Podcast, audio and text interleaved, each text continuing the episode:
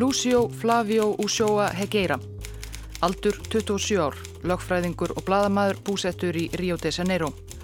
Herra Hegeira fullir þeir að hann hafi verið handtekinn 21. april 1970 í Rio de Janeiro. Hann fullir þeir að hann hafi verið pintaður á herrlauruglustöðunni við Barao de Mesquita af Major Gómez Carneiro, kaftin í Simbinski og lautinöndunum Volio Timoteo og Costa Lima. Hann var beittur ímsum pyntingaraðferðum, raflost í augu, munn og kinnfæri, priki stungið upp í endatharm, bundin á öklum við svo kallað páakaukaprikk, höfði haldið undir vatni að druknun, barinn um allan líkamann sprautaður með sannleikslifi. Alla fangelsisvistina var herra Hegeira pintaður andlega. Hann var vakin um miðjarnætur, svört hetta sett yfir höfuduð á honum og farið með hann á stað þar sem aftökur voru settar á svið. Þetta helt áfram alla nýju mánuðina sem hann var í haldi.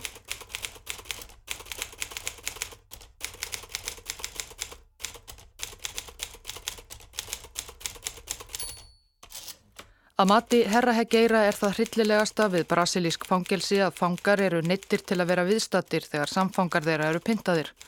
Á meðan hann var í haldi á herlauruglustöðinni segir hann að hann hafi stöðugt séð pintara sína pinta aðra. Hann segir til dæmis að honum hafi hryllt sérstaklega við að verða vitni að því þegar Carlos Eduardo Fayal de Lira var pintaður. Aug velþektu pyntingaraðferðina var fæjaldi líra líka beittur aðferðinni brjálaði tannlæknirinn.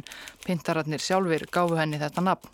Hún fælst í því að fórnalampið er fest í ramakstól, svo kallaðan drekastól og munnur þess er glendur upp með sérstöku verkværi. Pintararnir nota svo tannlækna bóra á fórnalampið og gefa því raflost. Herra Hegeira segir að hann hafi fylst með á meðan þrjár tennur voru brotnar í fæjaldi líra en hann brotnaði ekki saman þrátt verið að hann fjalli oft í yfirlið. Læknir vitjaði þá fæjal, vakti hann með spröytu og saði að pyntingarnar getu haldið áfram. Herra Hegeira segir að hann hafi í meira en klukkustund hlustað á óp fæjals og hlátur pyntarana. Þetta var þriðji mánuðurinn sem fæjal sætti pyntingum.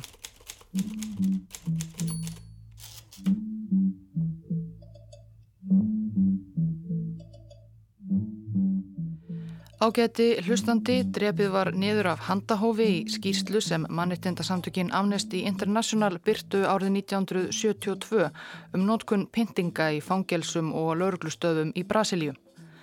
Það er að finna allmargar sögur af þessu tægi um hróttalegar pyntingar á ungu fólki, körlum og konum eins og Lucia Hegeira og Carlos Fayalde Lira sem grunuð voru um andof gegn herrstjórninni sem hafði þá haft Brasilíu í greipum sínum frá 1964. Það fylgir ekki sögunni hvað nákvæmlega þeir Lucio og Carlos voru sakaður um eða hver urðu örlög þeirra síðan. En þrátt fyrir gaggríni alþjóðasandaka eins og amnesti, þrátt fyrir hryllingssögur um pyntingar og pólitísk morð, þá átti brasilíska herfóringastjórnin eftir að halda sér á floti allt fram til 1985 í meira en tvo áratvíi.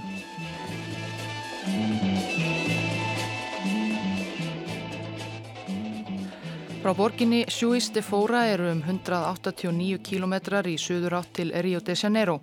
Þá leið byrjuðu hermenn fjörðu herdeldar brasilíska hersins sem hafði höfuðstöðvar sínar í Juiz de Fora að mjaka sér árla morguns 31. mars 1964. Það leiði ekki á löngu þar til fréttir að ferðalagi herdeildarinnar spurðust út um landið. Þá vissu allir í hvað stemdi Ólgan milli hersins og borgarlegra stjórnvalda í Brasilíu hafði kræmað undir niðri lengi, ekki sérlega lengt. Og þetta yrði ekki í fyrsta sinn sem herin myndi blanda sér í borgarleg stjórnmál. Svo vildi til að æðsti valdamaður Brasilíu, forsetin Sjúa og Gúlar, var í Ríó á áfangastað fjörðu herdeildarinnar. En þegar honum varð fyllilega ljóst að herin var farin af stað og allur herin, ekki bara einn herdeld því ekki leið og lungu þar til fleiri herdeldir voru komnar á hreyfingu, þá haskaði fósitinn sér til höfuðborgarinnar Brasilíu. Það var daginn eftir, 1. april. En hann var ekki lengi þar. Um það byrjum leið og hann var komin til höfuðborgarinnar var honum orðið ljóst að hann átti engan stuðning eftir, ekki í hernum og varla í stjórnkerfinum. Hann fór upp í flugvél með fjölskyldu sína og rökklaðist í útlegð til Montevideo í Uruguay og herin tók völdin.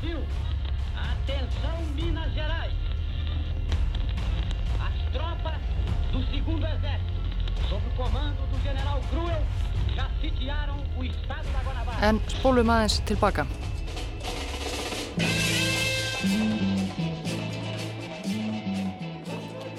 Ég tek fyrsta skref mitt á vegi eilífðarinnar, ég yfirgef lífið og held inn í söguna.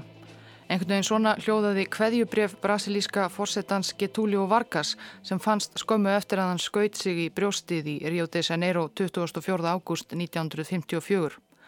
Vargas er kallaður landsfaðir Brasilíum. Hann ríkti meira á minna í 24 ár með stuttum hljefum frá 1930 til 54, hluta þess tíma líðræðislega kjörin en lengst af sem einræðisherra. Hann var vinstrimaður, stutti verkafólk en var harðlega á móti kommunistum. Hann byggði upp yðinað og velferðarkerfi. Hann naut stuðningsinn að fátæku skara Brasilíu en daðraði líka við fasisma og þjóðarnisíkju.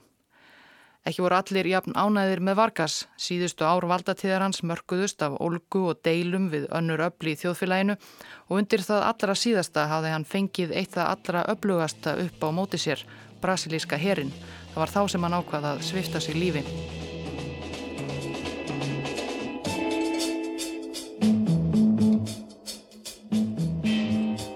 Einn á lærisveinum Vargasar hétt Sjúa og Gúlar, gerðnan kallaður Sjangó, liðsmaður verkamannaflokksinn sem Vargas stopnaði. Sjangó var kjörinn varafórseti Brasilíu árið 1960. Það all óvenjulega fyrirkomulag var þá við líði í Brasilíu að fórsetar og varafórsetar voru báðir kostnir betni kostningu, sér en ekki saman.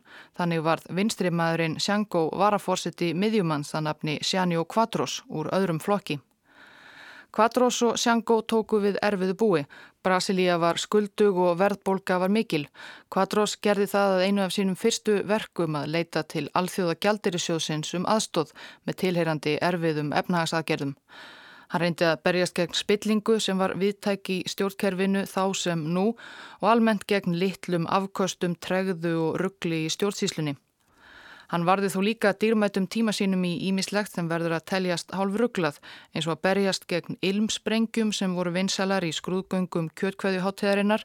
Hann hafi vist sjálfur fengið slíka sprengju í andletið einhver tíman og slasast á auga og gegn þeirri miklu óhæfu að konur á ströndinni í Ríó klættust bikiníum.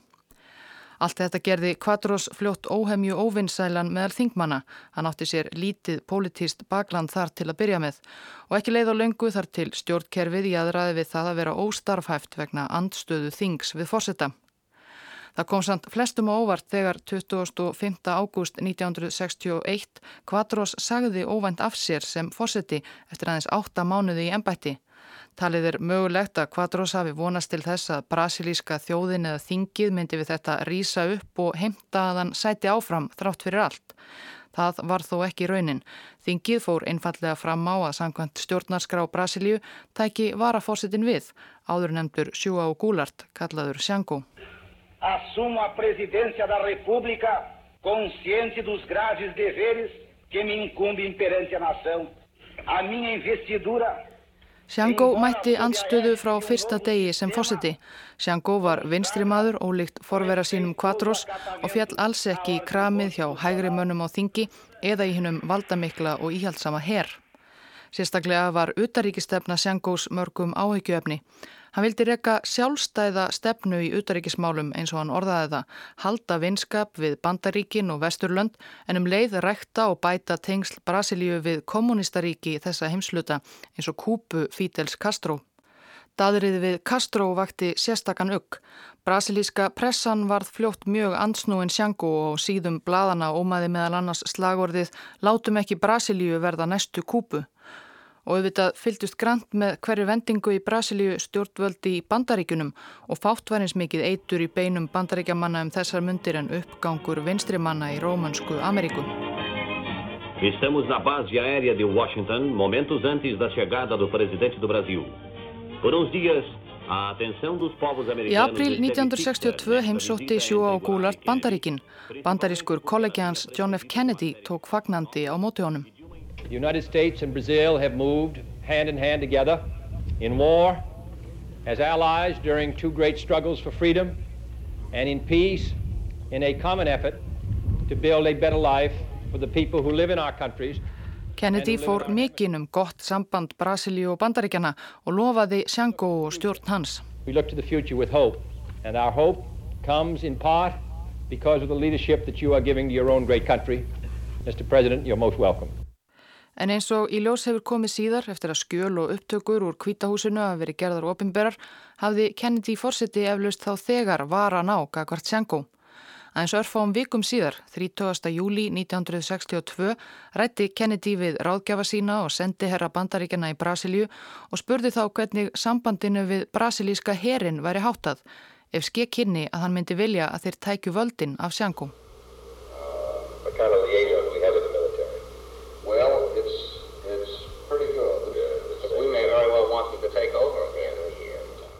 Við vitum þetta því dægin áður hafði John F. Kennedy látið koma fyrir leinilegum upptökubúnaði á skrifstofu sinni í kvítahúsinu. Fundurinn um Sjango og Brasilíu var sá fyrsti sem tekin var upp með þeim búnaði. Á upptökunum á svo heyra hvernig áhyggjur Kennedys og manna hans urðu meiri og meiri þegar á leið Sjango varð ódreiknanlegri og staða hans verri. Í desember 1962 sendi John F. Kennedy bróður sinn Robert eða Bobby til Brasilíu til að tala við Sjango en Bobby Kennedy var fullvisum að það væri engu tauti við Sjango komið og honum væri ekki tristandi. Bandaríska sendiráðinu í Brasilíu var falið að undirbúa aðgerðar áætlun fyrir bandaríkja stjórn ef brasilíski herin gripi til aðgerða. Í aðgerðar áætlunin var lögð mikil áhersla og mikilvægi hernaðar afskipta bandaríkjana ef til kæmi en líklega las John F. Kennedy aldrei áallunina því hún var fullgerð og sendi í kvítahúsið 22. november 1963 sama dag og Kennedy var myrtur í Dallas.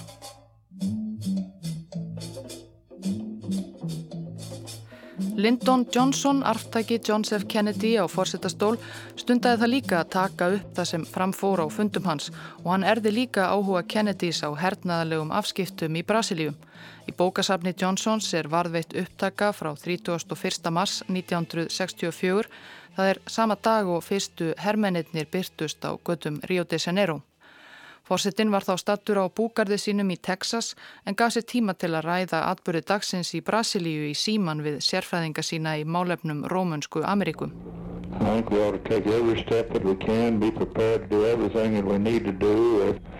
we can,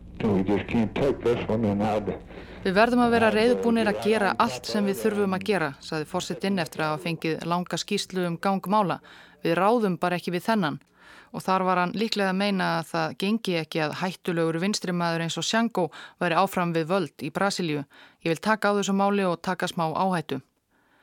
Víðar var Sjango útrópaður kommunisti og rótæklingur.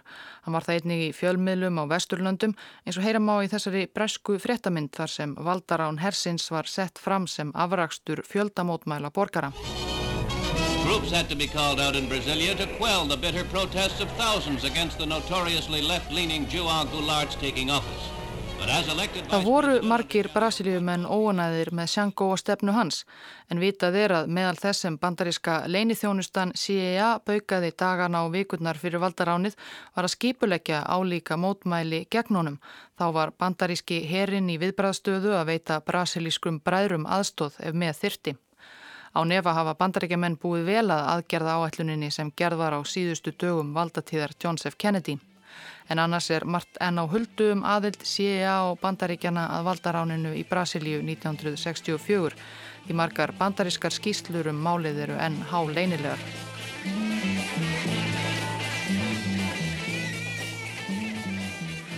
Eftir velhæfnað valdarán með Sjango í útlegð í Úrugvæ og tök hersins á stjórn Brasilíu först var einn af valdaránsmönnum, marskálkurinn Humberto de Alencar Castelo Branco, valinn af herfóringjakollegum sínum til að gegna ennbætti fórseta. Defenderei e cumprirei com honra e lealdade a Constituição do Brasil. Innan hersins voru skiptar skoðanir um hvernig ætti að taka til við að stjórna Brasilíu og hvert ætti að stefna. Castelo Branco var eins og fleiri herfóringjar þeirra skoðunar að eftir að herin hefði komið ímsum umbótum og breytingum í framkvæmt bætt efnahægin ætti að færa valdið smátt og smátt aftur til fólksins. En harðlínumenn í hernum vildu ekki heyra minnst á slíkt. Þeir vildu herða tökinn og losna alveg við óværu vinstrimanna og kommunista úr þjóðlífinu með öllum leiðum og fyrstir voru nú einu sinni komnir með völdin af hverju að láta þau á hendi. Á valdatíð Castellos Branco var brasilíska þingið enn starfandi en herin losaði sig við helstu óvinni sína af þinginu og gatt þar að auki stjórnað með allserjar tilskipunum sem voru ofar öllu. Þá skipti engum máli hvort þær færu á svig við vilja þings eða stjórnaskrá. Sveitastjórnarkostningar voru haldnar í mars 1965, tæpu ári eftir valdaránið og bráð þá svo að í tveimur fylgjum Brasilíu voru kjörnir fylgistjórar svarnir anstæðingar herfóringjana. Jafnvel hinnum frjálslinda ef svo máð orði komast marskálki Castello Branco var þá brúðið og komst nú á skoðun kollega sinna að líðræði væri með öllu ómögulegt eða þá að kollegar hans komu honum á þá skoðun.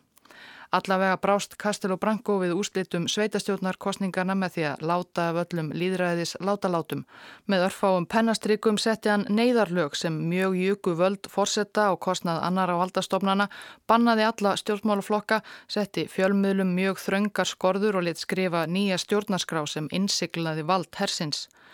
Næstu árin voru bara tveir stjórnmálaflokkar leifðir í Brasilíu, flokkur Hersins og hinn opinberi stjórnarandstöðuflokkur sem herfóringarnir leifðu af mildi sinni að starfa, þó auðvitað gæti hann engin áhrif haft. Castello Branco leta völdum í áspyrjun 1967 við tók annar marskálkur Artur da Costa e Silva. Hann var kjörinn fórseti af brasilíska þinginu eins og stjórnarskráin gerði ráð fyrir en auðvitað var hann einn í frambóði. E dentro deste cenário de novas esperanças, toma posse da presidência da República o Marechal Artur da Costa e Silva. Costa e Silva var úr harðlínu veng herfóringjana og hófst handa við að herða enn tök þeirra um Brasilium. Með allræmdri tilskipun, fymta tilskipunin er hún kölluð, Listi hann á einu bretti upp brasilíska þingið og sveitastjórnir, færði fórsetta ennbættinu allræðisvöld, tók upp umfangsmikla rittskoðun á fjölmiðlum og öllu menningarefni og gaf her og lauruglu heimildir til svo gott sem tilefnis lausra handtakna og frelsissviftinga og setti harða refsingar við pólitísku andofi. Kostaði Silvagat þó ekki notið lengi þeirra miklu valda sem hann hafi skaffað sjálfum sér og sínum því hann fekk blóttappa í ágúst 1969 eftir 2,5 ári ennbætti og lést ekki löngu síðar. Við tók enneitn herfóringin, sápar hersöðingategn og hétt Emilio Garastasu Medici. Á valdatíð hans átti brasilíska herstjórnin eftir að ná hátendi sínum á alla mælikvarðan.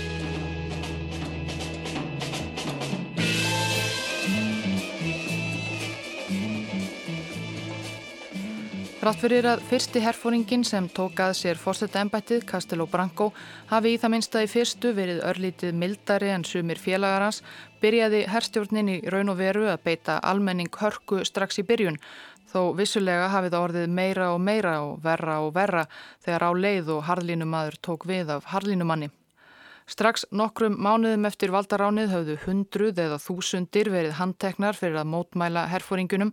Aðgerðir þeirra voru auðvitað umdeltar og fjöldi fólks aði þust út á götur strax í byrjun, stúdendar, marxistar, verkalýðs, forkólvar en verið handtekinn í hrönnum.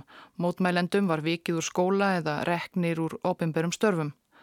Það var þó ekki nót til að slökkva í ansbyrnu glæðunum, fólk held áfram að mótmæla og andæfa og það var ekki síst vegna mótmæla öldu 1968 sem marskálkurinn Kostaði Silva skrifaði undir sína allræmdu fymtu tilskipun sem namur gildi óheirilegan fjölda borgarlegra réttinda brasilíumanna og umbylti stjórnkerfinu í þá herfóringja.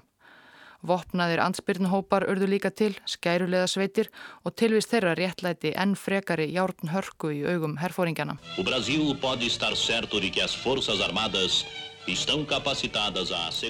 Brasilíumenn geta fullvisa sig um að herin er fullfærum að vernda öryggi þeirra gagvart óvinnum og vernda líðræði, frelsi og réttlæti.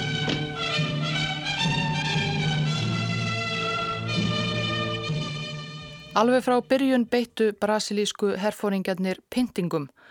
Pólitískir fangar voru óspart beittir hrottalegum pyntingum af jamt her sem lauruglumönnum til að ná upp úr þeim upplýsingum, kannski fyrst og fremst, en líka bara til að refsa og hræða og við markam á frásögn Lucio Hegeira sem við heyrðum í byrjun þáttar af hlátra sköllum pintarana meðan þeir boruðu í sundur tennutnar í Carlos Fæjaldi Lýra, kannski líka bara til að seðja kvalafísnir.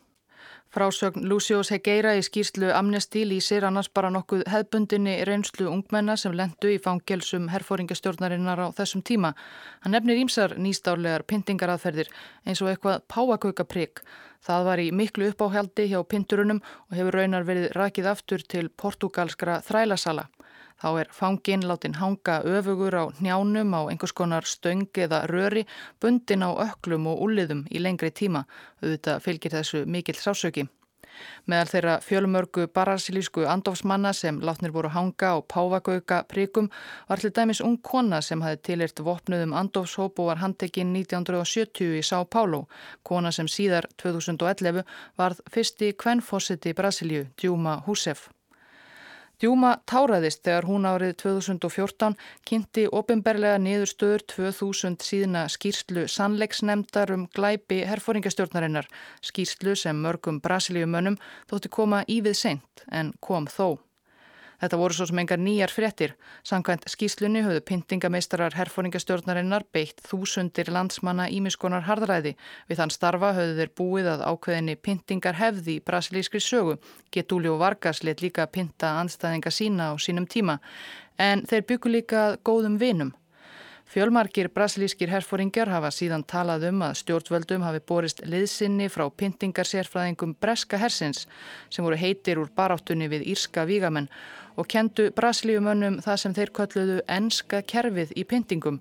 Í því fólst meðal annars að setja upp í pyntingamiðstöðunum marga litla fangaklefa, hvern til síns brúks, kaldan klefa, óhljóðaklefa, myrkan klefa, allt þetta hannað til að brjóta fanga niður. Bandarískir sérfræðingar veittu brasilíumönnum líka all nokkra liðsynni á þessum vettvangi.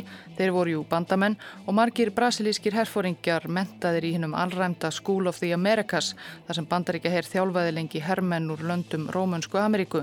Franskir herfóringjar sem barist höfðu og pintaði í allsýr miðluðu líka af sérfræði þekkingu sinni.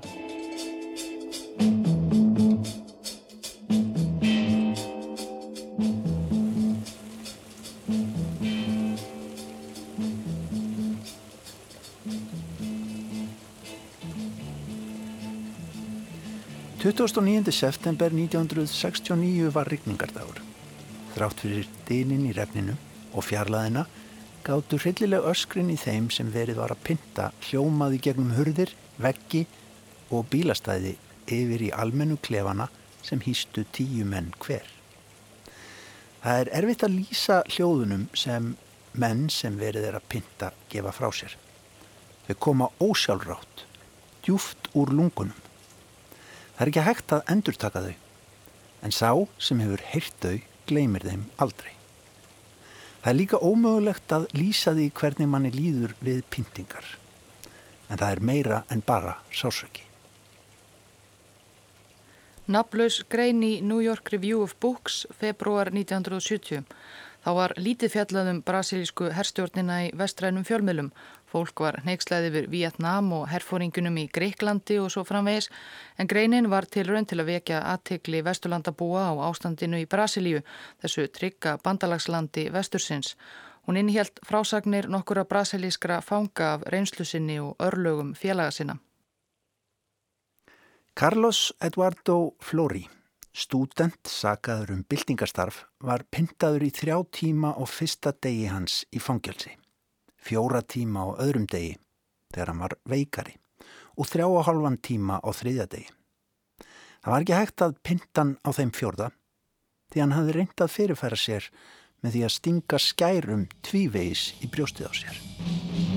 Pode me prender, pode me bater, podem até deixar-me sem comer, e eu não mudo de Suzuki Listmálari var handtekinn á götu í útkverfi Osasco á gungu með fjögur ára sinni sínum sem var skilin eftir grátandi á gangstéttinni.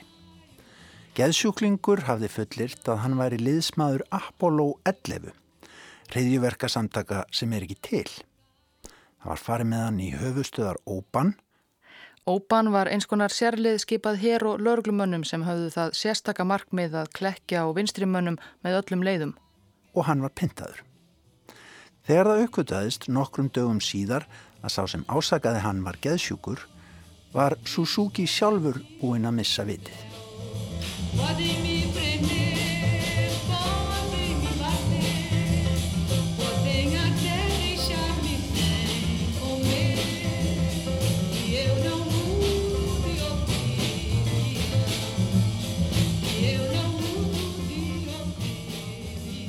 Samkvæmt skýslu sannleiksnemdarinnar sem Djúma Húsef kynnti 2014 var hægt að staðfesta að herfóringjastjórnin hefði beinlinis látið myrða 191 brasilískan borgara á valdatíðsinni. 243 til viðbótar hefðu verið látnir hverfa og ekkert væri vitað um afdrif flestra. Það er miklu minna, sérstaklega hlutfalslega en flestar aðrar hægri sinnaðar herfóringjastjórnir Rómönsku Ameríku drápu af þegnum sínum um þetta leiti. Til dæmis á herfóringjastjórnin í Tíle að hafa mörg þúsund líf á samviskunni. Þessi tala er þó aðeins það sem fegst staðfest. Nær örugt er að raunverulegt tala látina á samvisku brasilísku herfóringjana sé eitthvað herri og svo eru öll þau sem voru pintuð mörg þúsund. Í skýslunni voru nafngreindir 377 einstaklingar sem sannleiksnemdin taldi hafa borið ábyrð á alvarlegum mannreitendabrótum og glæpum á tímum herfóringastjórnarinnar. En frá 1979 hafa verið gildi lög í Brasilíu sem veita fríþelgi öllum þeim sem sakaðir eru mannreitendabrót á valdatíð herfóringjana. Auðvitað voru það herfóringjarnir sjálfur sem settu lögin á sínum tíma og þau eru enni gildi og því hefur enginn nokkuð tíman verið dregin til ábyrðar fyrir glæpi herfóringjana. Transcorre do edifício do Congresso Nacional em Brasília a Convenção Nacional da Arena, homologando a candidatura do general Emílio Garrastazu Médici à presidência da República, bem como a do almirante Augusto Rademacher à vice-presidência. Það er ástæða fyrir því að í Brasilíu dagsins í dag líta margir tilbaka með söknuði, nostalgíu til ára herstjórnarinnar, þrátt fyrir þá glæpi sem hér hafa verið upptaldir. Á valdatíð vinstrimannsins Sjangó saði efnahagur Brasilíu verið í tómu tjóni. Herfóringunum tókst ekki að ráða bóta á því á andartaki eins og við var að búast en þeir breyttu um stefnu. Þeir nutu góðs að því að nú var Brasilia aftur í náðinni hjá bandaríkunum. Herfóringarnir voru bandaríkjamönnum miklu betur að skapi en hið óutreiknanlega óbermi Sjango og þeir gáttu því gengið að bandarískum sjóðum og stórfjárfestingum bandarískra stórfyrirtækja. Herfóringarnir lögðu áherslu á að fjárfesta í stórum framkvæmdum og byggja Brasilíu upp sem yðnaðaveldi. Þó svo að herfóringarnir væru hægri sinnaðir að nafninu til, heldu þeir fast um brasilísk ríkisfyrirtæki og efnahagstjórnina almennt. En allavega ný efnahagstefna og erlendar fjárfestingar báru nokkuð skjótan árangur. Efnahagur landsins snar batnaði, það varð uppgangur og talað var um brasilíska kraftaverkið. Efri og miðstjætt brasilísk samfélags naut óneitanlega góð saf. Eftir nokkur hörð ár varð allt betra. Lífið varð nokkur ljúft með að við undanfarin ár. Og fyrir þá sem ekki dyrðust að andæfa herfóringunum virkaði þjóðfélagið örugara og stöðugra. Þess vegna er það líklega sem suma brasilíumenn langar að hverfa aftur til herfóringi árana þrátt fyrir allar þær fréttir sem borist hafa af glæpum herfóringjana á síðustu árum. Því fyrir hansi marga voru þetta einn mestu rólindi sár í landi hvers saga innkennist annars af ólgu og sviftingum.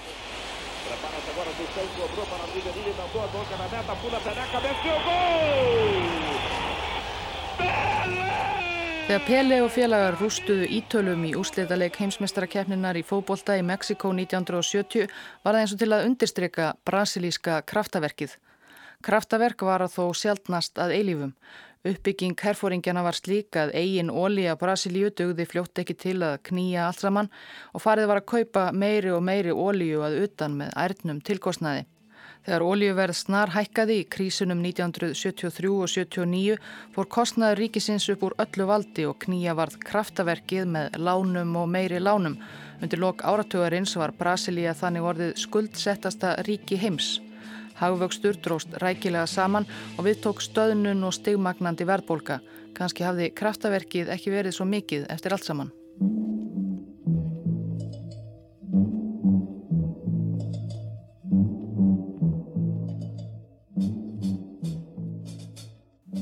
Á valdatíð Emilio Garrastazu Medicis var efnahags uppgangurinn mestur og kúuninn sumliðis mest og pyntingarnar vestar. Valdatíðans enkendist að blóður í baráttu stjórnvalda við rótæklinga og skæruliða. Hér hefur verið gripið til orðasambandsins blí árin sem annars er notað um sambarlegt skeið í sögu Ítalíu þegar stjórnvöld áttu í stöður í baráttu við rótæklinga og hriðiverkamenn. Medici tókst að vinna svo gott sem fullaðar sigur á flestum óvinnum ríkisins, oftar en ekki með því að beita mikilli hernaðarhörku, drepa og láta fólk hverfa. Medici leta völdum 1974 og við tók auðvitað kollegi hans, hersöðingi, en úr frjálslindari armi herfóringaklíkunar, Ernesto Geisel. Þeir frjálslindu höfðu þá unnið bak við tjöldina því að koma honum að. Og Geisel fór að vinna að því að smátt og smátt losa tökinn, örlítið, stefna sem hann nefndi apertúra eða opnunina. Hann nam meðal annars fymtu tilskipunina allræmdu úr gildi. Það bætti ekki úr skákað á valdatíð hans var efnahagurinn á stöðugri niðurleið og Ímis mál urðu til þess að meira segja efri miðstjettin sem hingað til hafi notið góðs af herfóringastjórninni fór að verða gaggrínin. Til dæmis sviplegt andlátt í fangaklefa í Sá Pálo í oktober 1975. Fangi hafi hengt sig í klefa sínum, sögðu yfirvöld. En það var það sem alltaf var sagt þegar einhver þóldi ekki barsmiðar pyntingamistara herfóringjana og let lífið. Þá var alltaf reynd að gera það sjálfsmorði. Fjölmarkir frömdu skindilega sjálfsmorði í brasilískum fangaklefum á ímsan hátt, oft ofinjulegun, en yfirleitt fengu aðstandendur þess látna lítið að vita nema þetta. En sá sem lést í fangaklefanum í Sá Pálo í oktober 75 var þjóðþektur maður, bladamadurinn og leikskáldið Vladimir Herzog sem hafi verið tekinn til yfirheyslu vegna tengsla við brasilíska kommunistaflokkin og látist ekki í löngu eftir að herrmenn byrjuðu að ganga í skrokka honum. Hér yfirvöld byrtu mynd af ítla leiknu líki hertsóks með belti um hálsin hangandi úr glukkakarmi í vonum að samfæra almenningum að vissulega hefði hann svift sig lífi. En fáir samfærðust. Þetta var greinilega ekki sjálfsmórn, ekki frekar eins og mörg önnur döðsföll í pyntingaklefum herfóringjana. Morðið á Herzog hafði í förmeð sér ákveðina vitundarvakningu brasilísks almennings. Hann varðað eins konar píslarvætti baráttunar fyrir frelsi og liðræði og dauði hans segja margir að hafi hrundið af stað fyrstu skrefunum á langri leið brasilíumanna aftur til líðaræðis.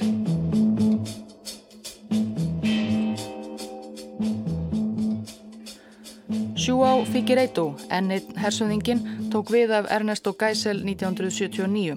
Efnahagur Brasilíu var þá ítla leikin eftir tvær ólíukrísur, landið var stórskuldugt og með meiri tilslökunum og auknum borgarlegum réttindum varð sjáanleg óanæja meiri.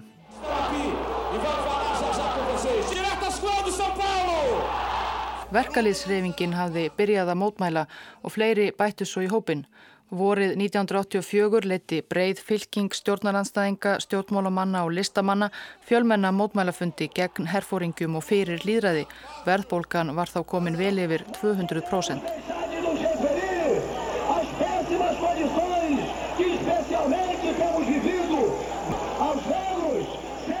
Daginn í apríl mótmælti 1,5 miljón manna í miðborg Sá Pálo.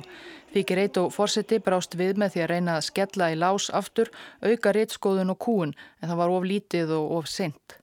Til að gera langa sögu stutta snýrist fílelt brasilíska þingið gegn herfóringunum og kausarlokum til fórseta gamalreindan stjórnmálamann og fyrverandi ráþera Tancredo Neves sem hafi leitt hinn samþykta stjórnarnansstuðuflokk herrsjórnarinnar um ára byll.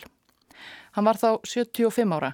Sverige átti hann til fórsetta 14. mars 1985, fyrsta fórsetta Brasilíu í meira en 20 ár sem hafði enga herfóringatign. En daginn áður veiktist hann heftarlega í ristli og lést 39 dögum síðar án þess að hafa tekið við ennbætti. Hann var mörgum harmdauði en varafórseti hans Sjósi Sarney tók við fórseta ennbættinu í hans stað og það mikilvægast að var að herfóringastjórnin var liðin undir lok. Herfóringarnir snýru aftur í brakana sína. Meira en 30 ár áttu eftir að líða þar til Brasilíu var næst stjórnað af manni með herfóringatign Sjær Bolsonaro.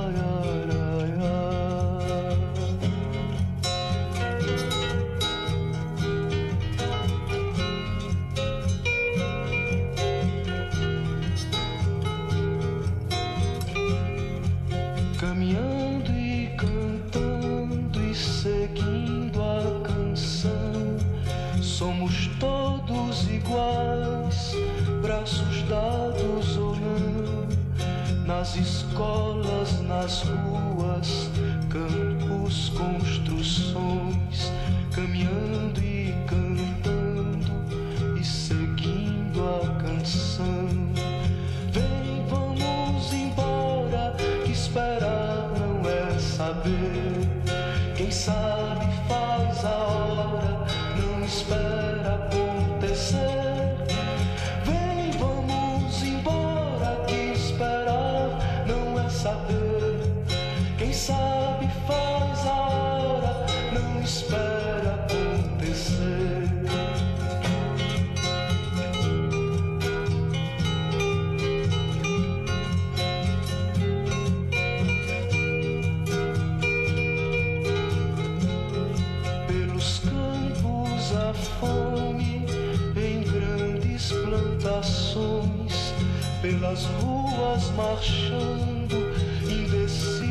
os cordões ainda fazem da flor seu mais forte refrão e acreditam nas flores.